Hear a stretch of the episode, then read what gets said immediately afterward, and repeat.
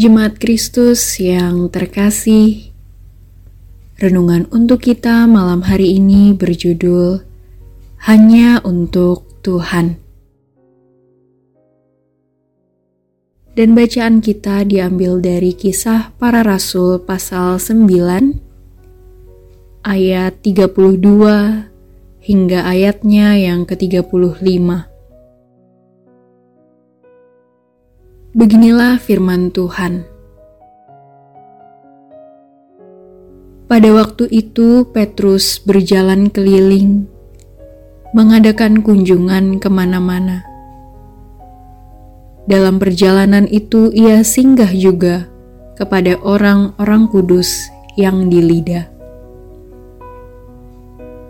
Di situ didapatnya seorang bernama Eneas yang telah delapan tahun terbaring di tempat tidur karena lumpuh.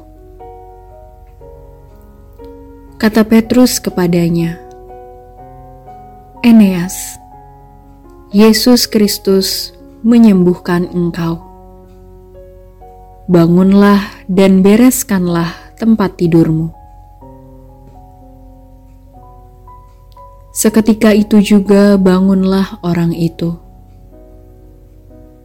semua penduduk Lida dan Saron melihat dia, lalu mereka berbalik kepada Tuhan.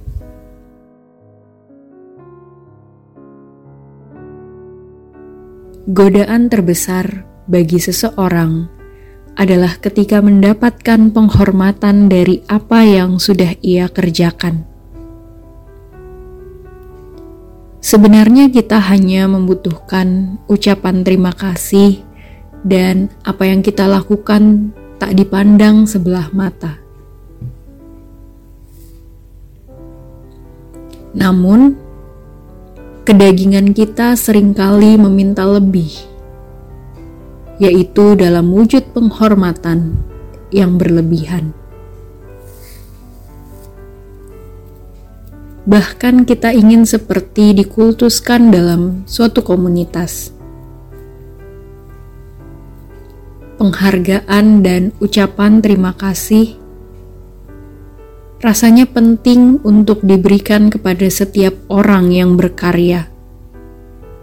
Namun, jangan sampai berlebihan, sehingga tanpa sadar kita menempatkan seseorang dalam pencobaan saat dia mendapatkan penghargaan yang berlebihan.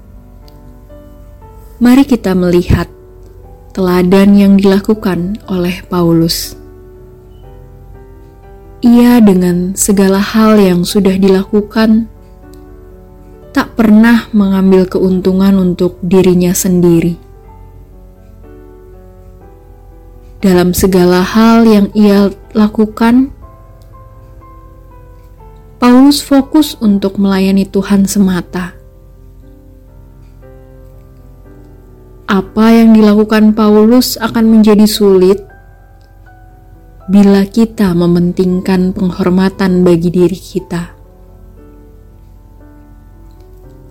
Apa yang dilakukan oleh Paulus akan menjadi mungkin bila kita tak mementingkan penghormatan bagi diri kita.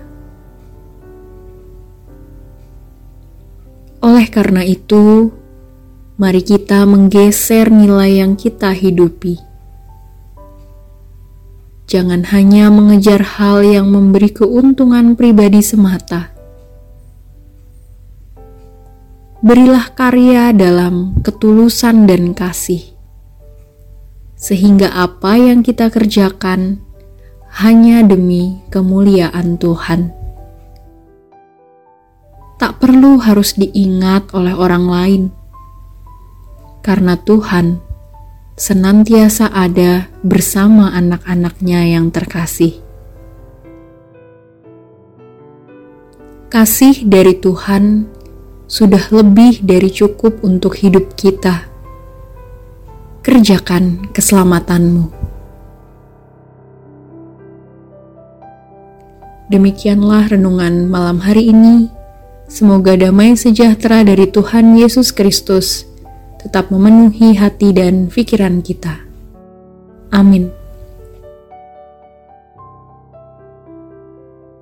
Jemaat yang terkasih, mari kita bersatu hati menaikkan pokok-pokok doa yang ada dalam gerakan doa 21 GKI Sarwa Indah. Mari berdoa.